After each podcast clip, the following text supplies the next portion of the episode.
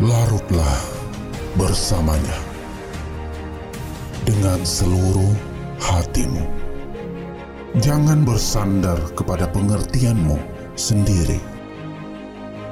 Akuilah dengan segala lakumu, dan Ia akan menemani jalanmu. Tak perlu meninggikan dirimu, tinggalkan yang bukan seharusnya. Dengan begitu, kau akan tenang.